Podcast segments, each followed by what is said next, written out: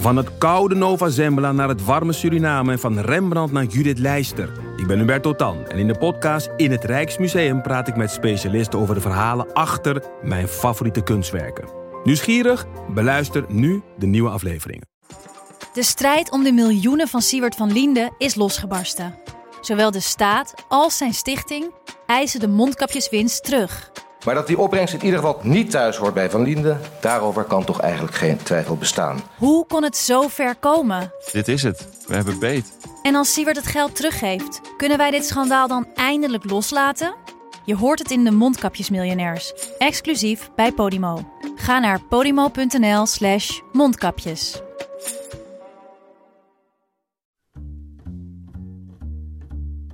Hallo, vanaf de redactie van de Groene Amsterdammer is dit uw wekelijkse podcast. Ik ben Kees van der Bos.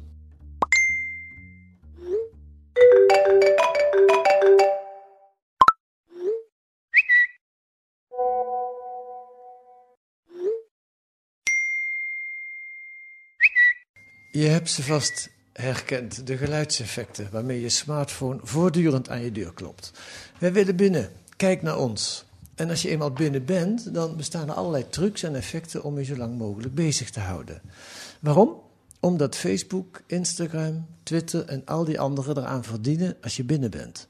Want dan kunnen ze je advertenties laten zien. Kan dat kwaad?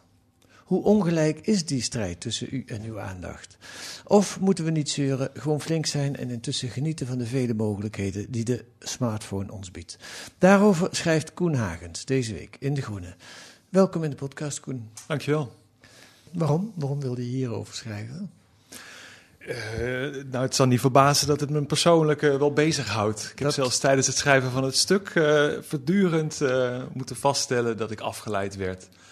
En dat de verleiding enorm groot is als je bijvoorbeeld een boek wil lezen of iets moeilijkers van een rapport wil, wil, wil bekijken. Maar ook als je aan het schrijven bent. Dat je, ja, dat je afgeleid wordt, maar ook dat ik me heel graag laat afleiden dan. Juist als iets een beetje inspanning vergt. Ik, ik herinner me vroeger als ik een moeilijk tentamen moest studeren, dat ik dan eh, de kamer ging poetsen. Dat was tenminste nog een beetje nuttig.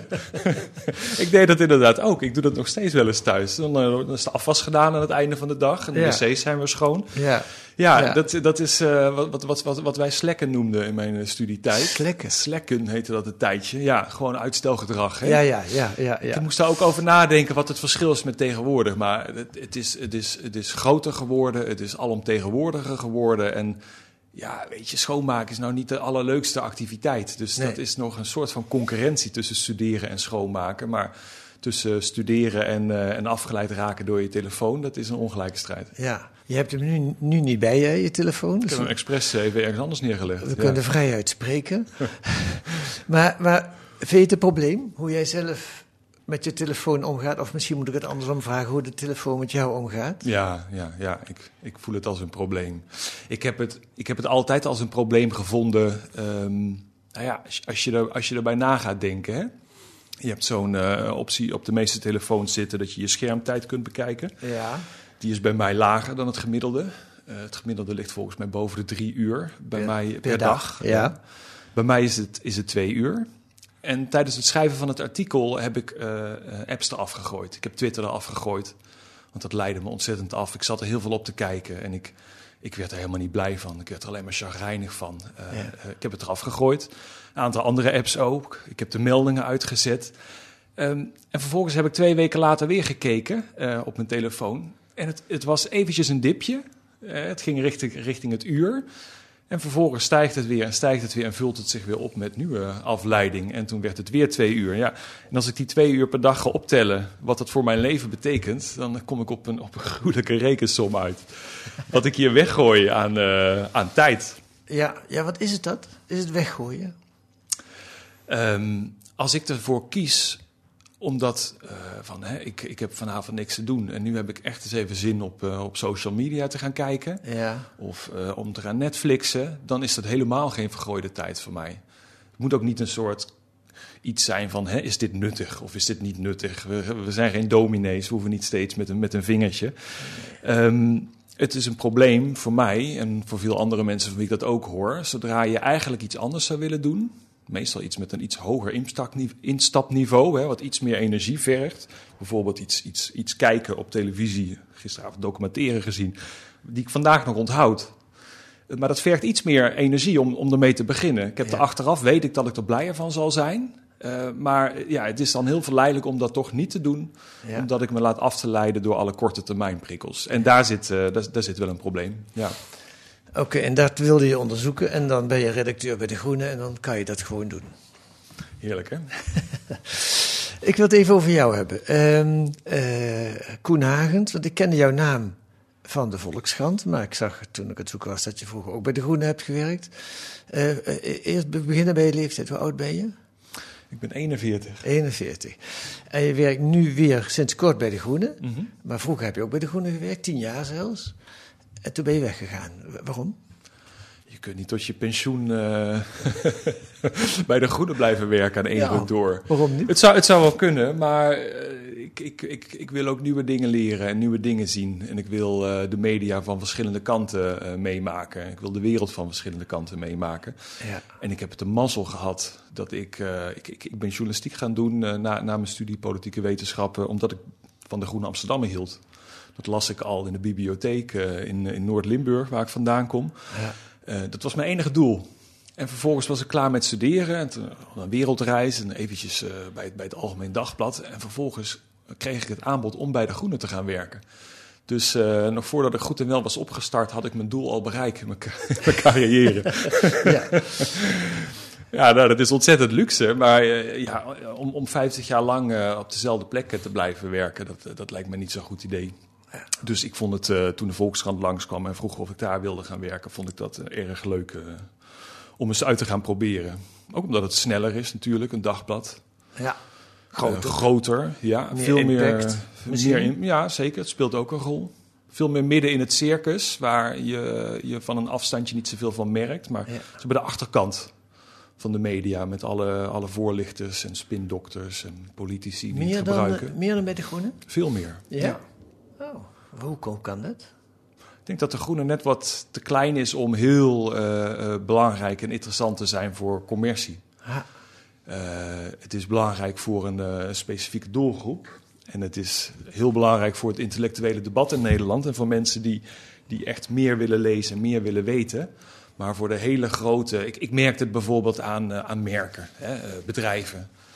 Als je iets, iets, iets eh, schrijft wat ze niet zo fijn vinden en je doet dat in de groene, nou, dan zullen ze waarschijnlijk de schouders ophalen, maar dan krijg ik er geen reacties op. ja. Als dat in de Volkskrant was, dan, eh, ja, dan, dan hing men wel eens aan de telefoon de volgende dag. Wat heb je nu weer opgeschreven? Precies. En dat moest je dan verantwoorden. Maar oké, ehm, was leuk bij de Volkskrant? Je deed heel goed, want je had, eh, je had een column zelfs al de laatste drie jaar, zag ik. Het was fijn om te merken dat dat, dat, dat, dat, dat me heel goed afging. Ja. Ja, En wat is nou het verschil in stijl tussen wat je bij de Volkskrant moest doen en wat je daarvoor en nu weer bij de Groene doet? Deed en doet? Eh, het is, het is, in die zin past het wel bij, eh, bij het onderwerp van dit artikel. Hè? Als je het hebt over die aandachtseconomie. Maar dit is een, een veel kortere concentratieboog. Je bent elke dag, veel dagen steeds weer eh, bezig met iets nieuws. Ja. Je, je maakt een stuk waarbij je de groene gaat nadenken over hey, wat voor verdieping kan ik erin aanbrengen. Hoe zit dat nou werkelijk? Ga je nog moeilijkere vragen stellen voor jezelf? Je maakt jezelf heel, heel ingewikkeld, hè, want dan wordt het interessant. Je moet de vragen stellen die de lezer ook heeft. Was ik bij de Volkskrant vaak klaar na 800 woorden? Ja, dan, dan hoef je niet meer, niet meer na te denken over de spanningsboog en hoe je dat verhaal opbouwt. En of je nog bepaalde vragen gemist hebt en of het nog een laag dieper kan. Want dat is gewoon onmogelijk. Je kreeg minder ruimte en meer stress, eh, harder werken in de zin van 's morgens iets horen, s'avonds moet klaar zijn. Ja, hoewel dat ook een soort routine wordt hoor. Dat is, dit is niet dat dat per se nou zwaarder is dan, eh, dan lange stukken schrijven bij de Groene. En toen ben je weer weggegaan. Ondanks dus dat je succesvol was bij de Volkskrant, neem ik zomaar aan. Dat ging je volgens mij goed af. Ja, dat ging heel goed. Ja, ik, ik was na, ze zeggen vaak na vijf jaar is het tijd om eens te gaan nadenken. En, en dat was voor mij ook. Eh, Bij, binnen krant is het ook heel logisch dat je na vijf jaar een andere portefeuille gaat doen. Hè. ja? Mensen in het buitenland, correspondenten, werden vroeger vaak om Ja. de vijf jaar vervangen. Ehm, en bij de Volkskrant is dat ook zo met, met portefeuilles. Als je op binnenland zit of op, je, op wetenschap zit of zo, dan, dan is het vaak toch wel een punt om na vijf jaar te denken van misschien iets nieuws. Omdat je dan ehm, nieuwsgieriger blijft. En dat je nog wel meer vanuit de lezer dezelfde vragen blijft stellen. In plaats van dat je het gevoel krijgt van hé, hey, ik heb het allemaal wel gezien. Hm. Eh, hè, de, de, verdwijnende pinautomaten uit de Nederlandse uh, winkelstraten. En, en de zoveelste keer dat er een, een, nieuwe bankencrisis wordt voorspeld. Dat had ik als financieel redacteur ook wel gezien. Ja, aan de andere kant bouw je als, als deskundige op een terrein natuurlijk wel een enorme uh, ervaring en deskundigheid op. Die Zeker. Ja. Die, die, lijkt mij ook niet onbelangrijk voor een journalist. Nee, dat moet je ook niet zomaar weggooien. Dus ik, ik, ik zat over te denken van, hè, wil ik doorgaan? En dan misschien wel binnen, binnen economie of in ieder geval iets wat aan verwant is wat ik deed... om niet al die kennis kwijt te zijn, zomaar weg te gooien. Uh, maar ik merkte dat ik uh, toch echt wel behoefte had weer aan een ander soort journalistiek. Dus toen ging ik rondkijken en toen kwam de Groene weer in beeld. je wil, je, dus het was leuk bij de Volkskrant, maar dat is het niet voor uh, Koen Hagens weggelegd tot aan zijn pensioen. En niet in die rol, nee. Nee. nee. nee. Of kun, kun je je voorstellen, ja, dat is een beetje een gekke vraag, dat je over tien jaar gewoon denkt, nou, ik ga weer eens een keer vijf jaar Volkskrant ga ik nu nog helemaal niet over nadenken. Nee. nee. nee. Je hebt natuurlijk heel veel verschillende rollen binnen een, uh, binnen een krant. Maar wat ja. mij wel opviel is dat je... Um, het staat altijd op gespannen voet. Want ik bedoel, binnen de, binnen de Volkskrant, en dat is bij NRC precies hetzelfde. Die willen ook echt, echt ruimte hebben aan verdieping. Ja. Hè, om, om langer aan stukken te werken en daar iets, iets heel moois van te maken. En die ruimte die is er ook, die kreeg ik ook. Alleen het staat op gespannen voet met een ander doel wat een krant heeft. Namelijk elke dag, zeker nu met de, via, via online, om zoveel mogelijk mensen te trekken. En ja. die vast te houden. En daar steeds nieuwe content voor te schrijven, zoals dat dan heet. Uh, en en dat, dat is een soort spagaat die je nooit helemaal, uh, helemaal oplost. Ook al is de wilder om het, om het uh, bij wijze van spreken à la de groene stukken te schrijven ja. in het weekend. Ja. Dan nog is de, de, de inrichting van het werk is het nauwelijks mogelijk. Want je krijgt de hele tijd tussendoor andere afleiding. En je hebt niet bij de Volkskrant geloof ik een vrijgesteld team van onderzoeksjournalisten, of wel? Nee, dat heb je niet meer. Bij de NRC heb je het wel, hè? daar hebben ze het zelfs verdubbeld, of zijn ze aan het verdubbelen. Dus dat is een andere strategie. Dus als jij een onderzoeksverhaal voor de Volkskrant wilde maken, dan moest je daarvoor met een chef gaan overleggen, stel ik me zo voor. Ja, dan krijg je concurrerende delen van de krant. Dus dan heb je, ja, dan, dan heb je daar een deadline voor en dan kun je zeggen van, hey, ik moet nu eerst dit doen. Dus ik ben nu even niet dagelijks inzetbaar de komende tijd. Ja, en meestal mocht dat dan ook, of heb je daar ook minder goede ervaringen mee? Nee, dat, dat, dat mocht wel. Ik vond het zelf gewoon moeilijk om, uh, om ermee om te gaan. Dat je, want je Ja. krijgt tegelijkertijd... Die andere delen van de krant staan niet stil. Ja. Hè, je bent niet vrijgesteld, eh, zoals in die, in die rolverdeling die jij net noemt. Ja. Dus je krijgt ondertussen alle verzoeken om alsnog wel heel snel even iets te tikken over eh, wat er eh, hier en daar gebeurd is. Ja. Ehm, en dat vond ik wel, eh, ja, dat, dat was me eigenlijk goed afgegaan de eerste jaren. Maar dat vond ik op een gegeven moment ook een beetje vermoeiend worden. Om daar steeds, als het ware, ruimte voor te moeten bevechten. Om je, je eigen langere termijn verdiepende, interessante projecten te kunnen doen. Ja. ja, het is een heel ander uitgangspunt. Hè? Als je daar gewoon een aantal jaren voor krijgt en je hoort tot de onderzoeksredactie, dan, dan zit je anders op je stoel dan dat je je gewone werk moet doen en elke keer moet bevechten of moet bespreken als je iets langers wilt doen. Ja, zo is dat. Ja. Ja. Ehm, nou, ik ga niet aan je vragen wat de, meest, eh, wat de beste strategie is, want je bent niet, eh, niet eh, de baas van de Volkskrant of de baas van de NRC. We gaan naar het onderwerp. Nou, een bruggetje daar naartoe is, ehm, hoe, hoe belangrijk is online bij de Volkskrant? Dus als je, als je, je, hebt een, je had een column de laatste drie jaar. hè? Kijk je dan elke keer hoeveel erop geklikt is, bijvoorbeeld? Nee, dat, ik, weet niet eens of ik dat zou kunnen zien. Dat heb, ik- dat heb ik niet gedaan. Maar je wil wel, eh, ja, dat, dat, dat is geen geheim. Journalisten zijn mensen die, die eh, ontzettend zoeken naar bevestiging. Want ze schrijven steeds dingen, ze maken steeds dingen. Hè? Eh, eh, en, en vervolgens gooi je dat in een groot gat. En dan gebeurt er iets mee, of Ja. er gebeurt helemaal niets mee. Maar dat weet je, dat weet je eigenlijk niet. Daarom Ja. zijn journalisten ontzettend gevoelig voor feedback... en voor lezersbrieven en voor reacties. En het internet heeft dat wel veel beter gemaakt. Hè. Er zijn veel meer mogelijkheden om makkelijk te reageren... behalve dan de, de, de- alleen de brievenpagina. Ehm, maar dat blijft natuurlijk altijd. En dus ja, ik, eh, ik, ik, ik, ik moet zeggen dat ik het wel... eh, ik, ik vond het belangrijk of het goed gelezen werd Ja. via het internet. Maar Is het- ik had... is- eh, is het binnen de krant belangrijk? In de zin van, toen, toen ik hier bij De Groene kwam, had ik het een keer met Xandra over, de, de hoofdredacteur, Xandra Schutte. En die zei, ja, we kijken wel welk artikel het meest gelezen is, maar dat is voor ons niet het criterium dat dat het beste artikel is. Nee, zo is het bij de kranten precies hetzelfde. Ah, ja. Ja, maar stiekem speelt het natuurlijk wel mee. Het speelt ook mee bij journalisten zelf. Hè. Het is niet, niet iets per se dat er alleen maar managers met een spreadsheet eh, dat, dat belangrijk zouden vinden. Eh, journalisten zelf willen ook gelezen worden Ja. en gezien worden. Ja. Dus dan kom je bij de aandachtseconomie uit. Ja, en daar zitten we hier voor. Nog één ding over jou. Jij bent vooral gespecialiseerd in financiële eh, zaken, economische journalistiek. Hoe, hoe, hoe komt dat zo? Ehm, ik, vind het, ik vind het spannend dat er een soort van wereld is achter onze wereld, die je niet in de eerste instantie ziet. Hè? Een, een, een soort systeem met prikkels waar het om geld gaat en om macht. En om dat te kunnen snappen, het is moeilijk, dat, dat, dat boeit me eraan. Het is begonnen met de crisis in 2008. En de aanloop daarnaar, eigenlijk in 2007, ben ik begonnen met schrijven over de financiële sector. Eh, de Groene deed dat op dit, dat moment heel erg weinig. Het ging veel over, eh, ja, hoe moet ik het zeggen, over cultuur en ethiek en, en recht en zo. En eh, zoals een oudere hoofdredacteur het noemde, de brood- en botersectie was een beetje zwakker vertegenwoordigd. Dus ik vond het belangrijk om dat eh, te doen. En Ja. het viel me op dat vooral rechtse mensen zich bezighielden met economie. Ook in de journalistiek. Dus ik dacht, eh, dat, dat, dat moet dus vanuit een, een andere kritische blik... iemand die zich daarop stort. Ja, en dat ga je ook binnen de Groene Dat doorzetten. wil ik ook blijven doen. Ja, ja. ja. Maar nu heb je een uitstapje gemaakt. Lijkt me, het, raakt er altijd al aan, alles heeft met geld te maken. Eh, we gaan naar het onderwerp, de aandachtseconomie. En dat doe ik eerst met twee, eh, met twee fragmenten. Eh, de eerste die je gaat horen is Tristan Harris. Het zijn voor jou bekende eh, fragmenten. Eh, die werkte bij Google als design ethicist. Wat is een design ethicist, vroeg ik me af. Ik heb begrepen dat dat een nieuwe functie was, speciaal voor hem gemaakt. nadat hij het had gewaagd kritiek te hebben op wat ze aan het doen waren bij Google. Dus die houdt zich met de ethiek van het design van Google bezig. Nou ja, goed. ja. Repressieve tolerantie heet dat, geloof ik, hè, met een ouderwets woord. Ja, zeker. En de tweede is Francis Hogan. Eh, die was vorig jaar voor de commissie van de Amerikaanse Senaat. En dat is een klokkenluider van eh, Facebook. Nou, luister wat zij te vertellen hebben. I want you to imagine walking into a room, control room with a, a bunch of people, a hundred people hunched over at desks with little dials, and that that control room will shape the thoughts and feelings of a billion people. This might sound like science fiction, but this actually exists right now, today. I know because I used to be in one of those control rooms.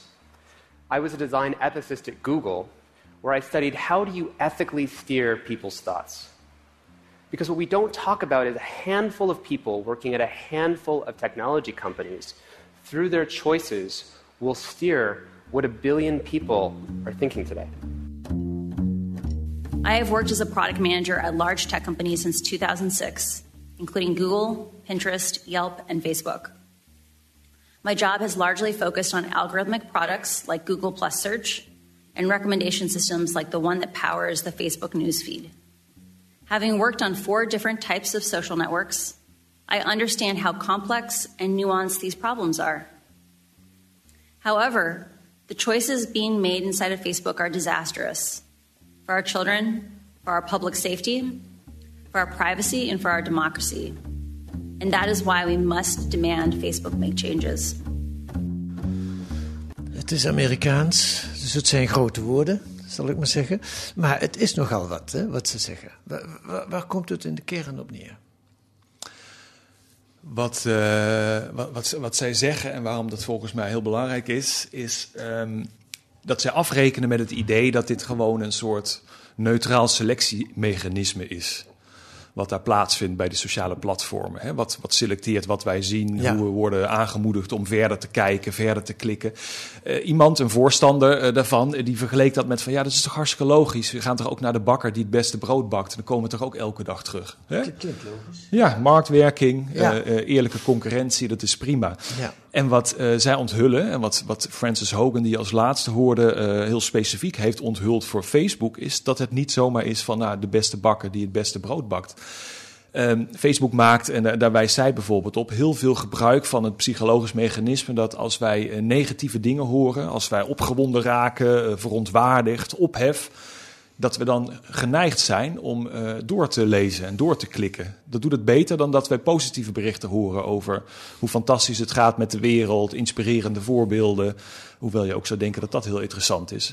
En het Facebook-algoritme heeft dat, zo, eh, heeft, dat, heeft, dat, heeft dat door, die is zo ingesteld. En die zorgt er dus voor dat we negativiteit steeds eh, prominenter tevoorschijn komt. Ja, la- laten we eerst nog even zeggen wat daarachter zit. Is Facebook wil, Google wil dat, iedereen wil dat, dat je op hun site blijft. Want je zou kunnen zeggen, wat maakt het je uit? Je leest het bericht, in de bibliotheek pak je een boek wat je wil lezen en dan wil de bibliotheek niet dat je nog meer boeken pakt. Maar bij Facebook is dat anders, want dat is een verdienmodel.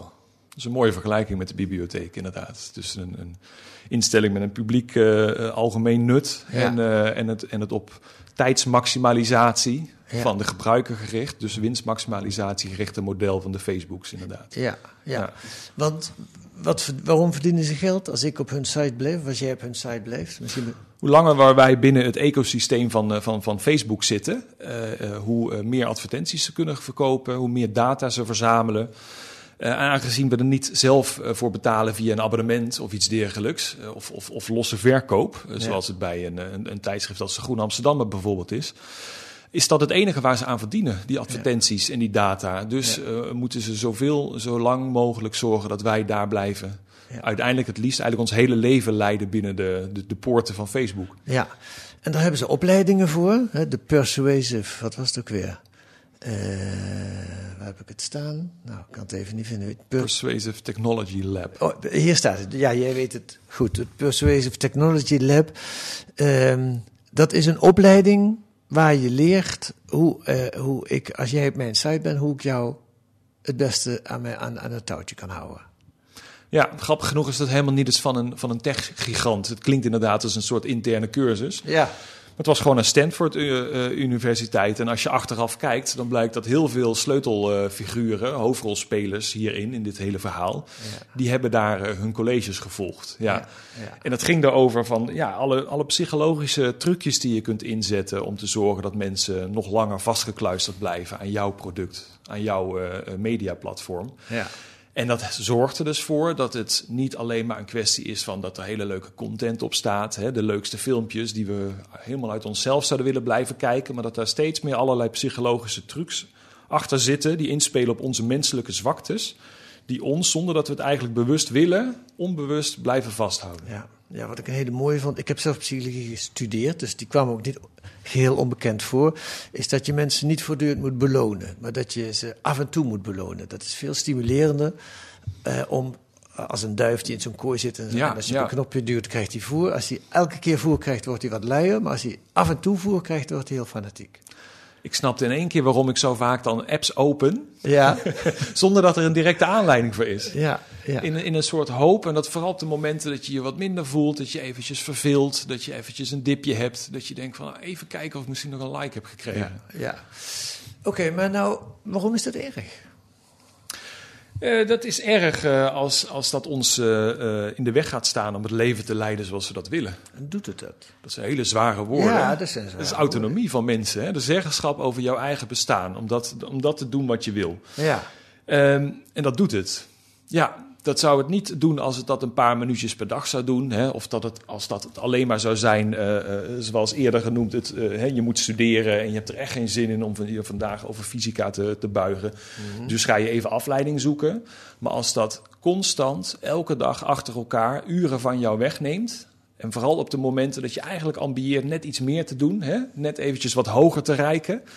Ja, dan ondergraaft het wel echt je, je mogelijkheden om je, om je ten volle nou, te ontplooien. Dat klinkt heel plechtig, om, om gewoon een leuk leven te leiden. En Spreek je hier eh, over Koen Hagens uit eigen ervaring? Of spreek je hier, zeg je, is dat een maatschappelijk effect?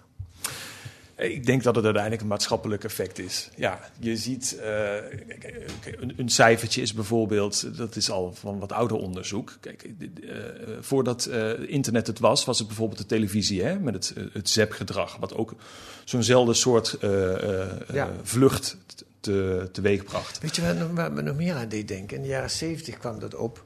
Dat men zei reclames, dat is de grote boosheid in de wereld. En dan had je ook nog geheime reclames die je niet eens kon zien. In films lieten ze dan een, een beeldje zien van Coca-Cola.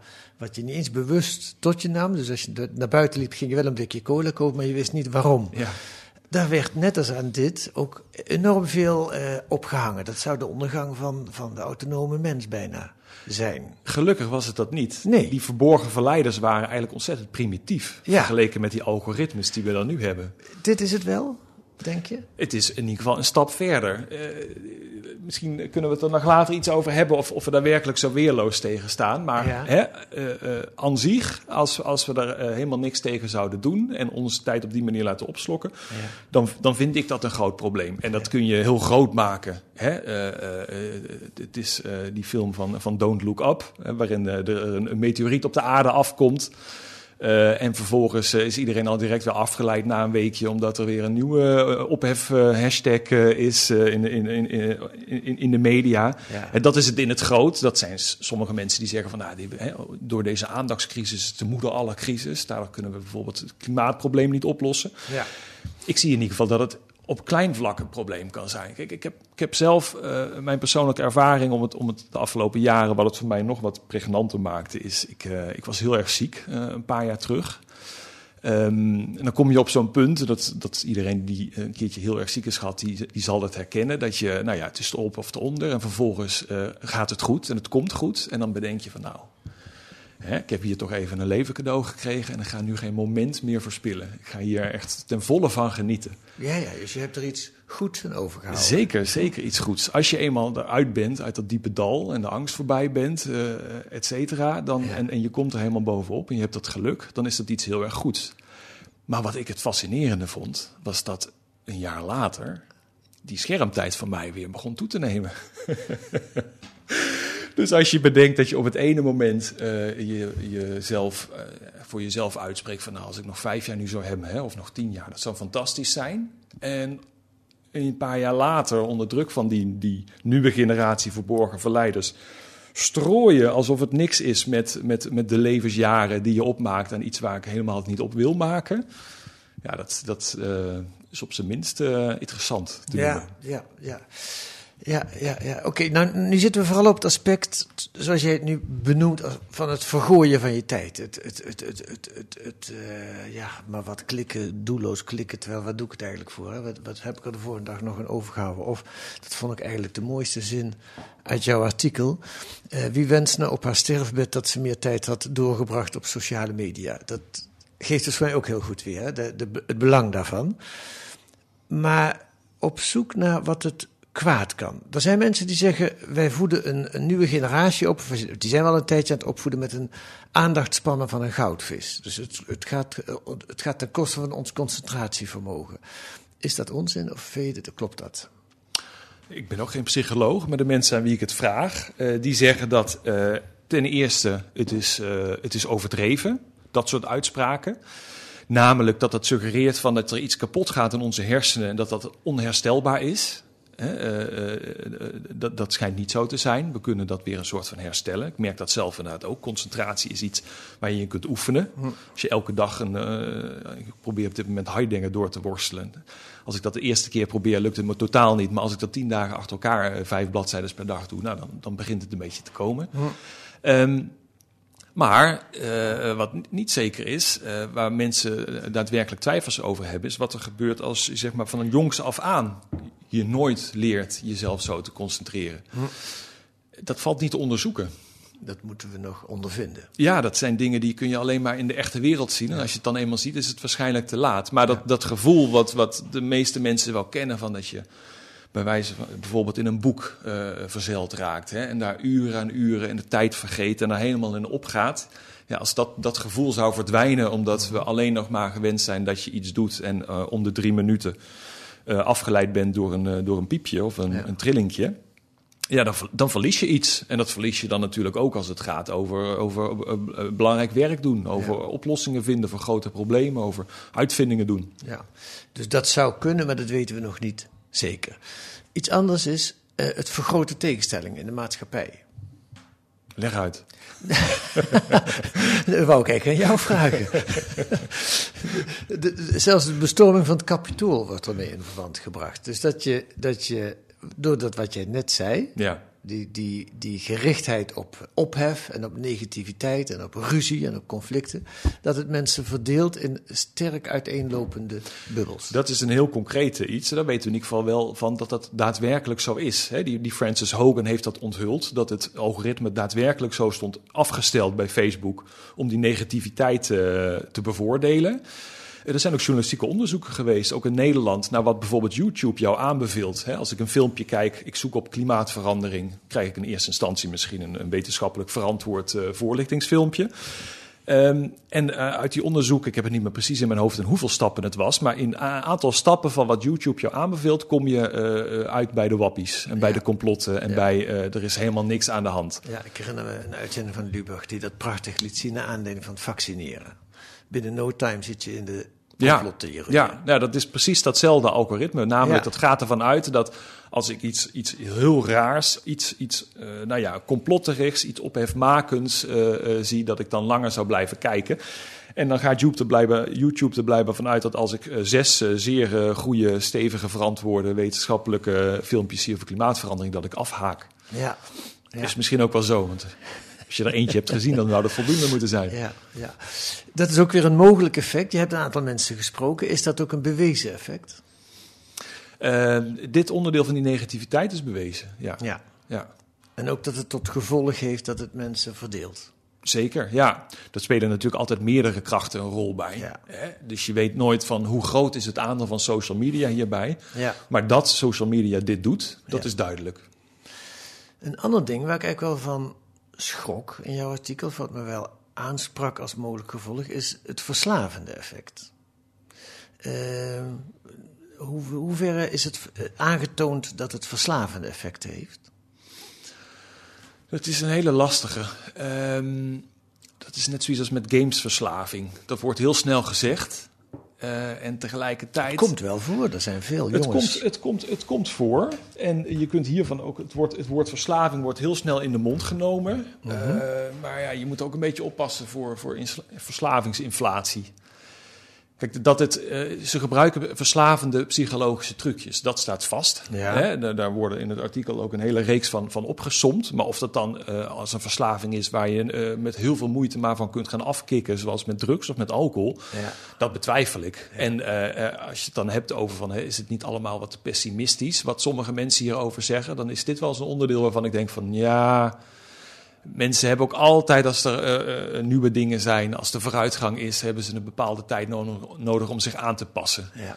Uh, ik zie bij mijn eigen kinderen bijvoorbeeld dat ze zich extreem bewust van zijn hoe, uh, hoe dingen verslaafd kunnen zijn. En dat zij veel bewuster dan een open oma ervan zijn wat er met hun gedaan wordt. Hè? En hoe die, hoe die platformen werken. En ja. hoe TikTok zorgt dat je steeds blijft hangen. Dat betekent ja. niet dat ze vervolgens er per definitie mee stoppen, maar er is meer bewustzijn. Dus dat zou ook kunnen dat we er over een generatie op terugkijken en zeggen van... ach ja, weet je, maakten we toen zorgen over dat mensen... dat de verslavingsklinieken zouden vollopen. Ja, ja. Oké, okay, moeten we er wel iets aan doen? Iedereen in ieder geval die wil, kan er iets aan doen. Namelijk? Nou ja, er is, er is een soort persoonlijke aandachtshygiëne... waar uh, boeken vol over verschijnen met, met tips. Hè, van, van je meldingen op je telefoon uitzetten tot uh, een, een, een, een, speciale, de case safe. Dus een kluisje waarin je telefoon doet, bijvoorbeeld voor het eten. En dan draai je hem op een half uur. Hm. En dan een half uur lang zit hij op slot en kun je niet bij je telefoon, zelfs al gaat hij rinkelen. Hm. En daarna gaat hij weer open. Um, alleen met, zo vaak met, met maatschappelijke problemen kan de oplossing natuurlijk nooit helemaal individueel zijn. Nee. Dan moet de oplossing ook uh, maatschappelijker zijn. Oké, okay. en wat zie je daar voor mogelijkheden? Nou, het is meer voor mij een, zo een zoektocht geweest uh, langs, langs allerlei mensen die hierover hebben nagedacht en over hebben geschreven en, en wat die voorstellen. Ja, dan, dan loopt het eigenlijk een beetje uiteen van uh, het, het ontwikkelen van een, een ander soort aandacht-economie. Dus niet meer gericht op, hè, we, we, doen alsof we het gratis aanbieden en we proberen vervolgens al je tijd te stelen, zodat we zoveel mogelijk advertenties kunnen verkopen. Ja. Maar bijvoorbeeld uh, bedrijven uh, richting een abonnementsmodel verleiden.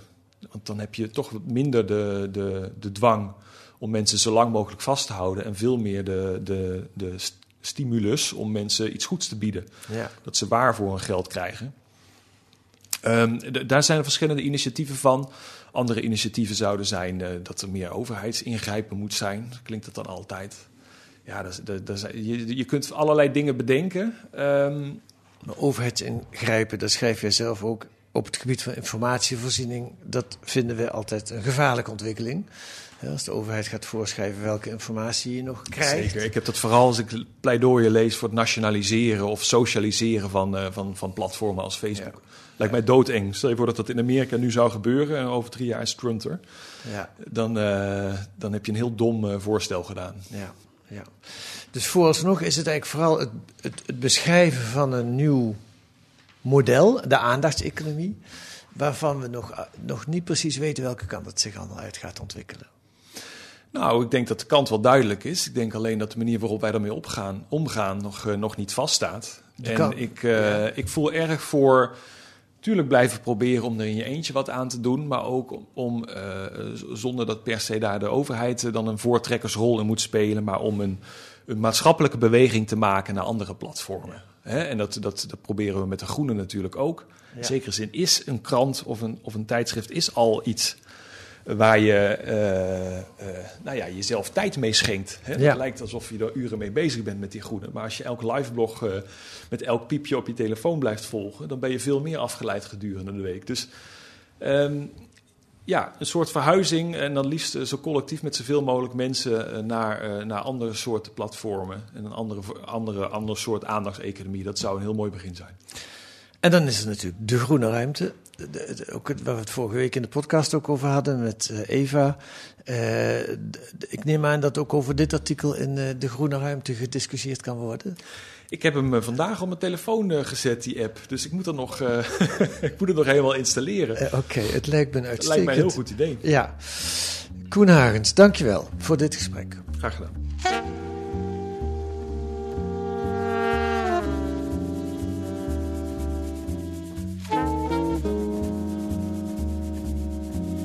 Dat kunt u deze week lezen in De Groene. En wat staat er nog meer in? Een coververhaal over de decennia lange aanloop van de Russische invasie in de Oekraïne. In Oekraïne, ik moet niet zeggen in de Oekraïne. Had het Westen in het verleden anders kunnen reageren? Is een belangrijke vraag. Was de oorlog dan te vermijden geweest? Ja. En een dagboek dat groene correspondent Eva Hartog over haar vertrek uit Rusland bijhield. Vlak voordat ze naar het vliegveld gaat, schrijft ze. En voor de zoveelste keer die dag had ik het gevoel dat ik iemand in de steek liet.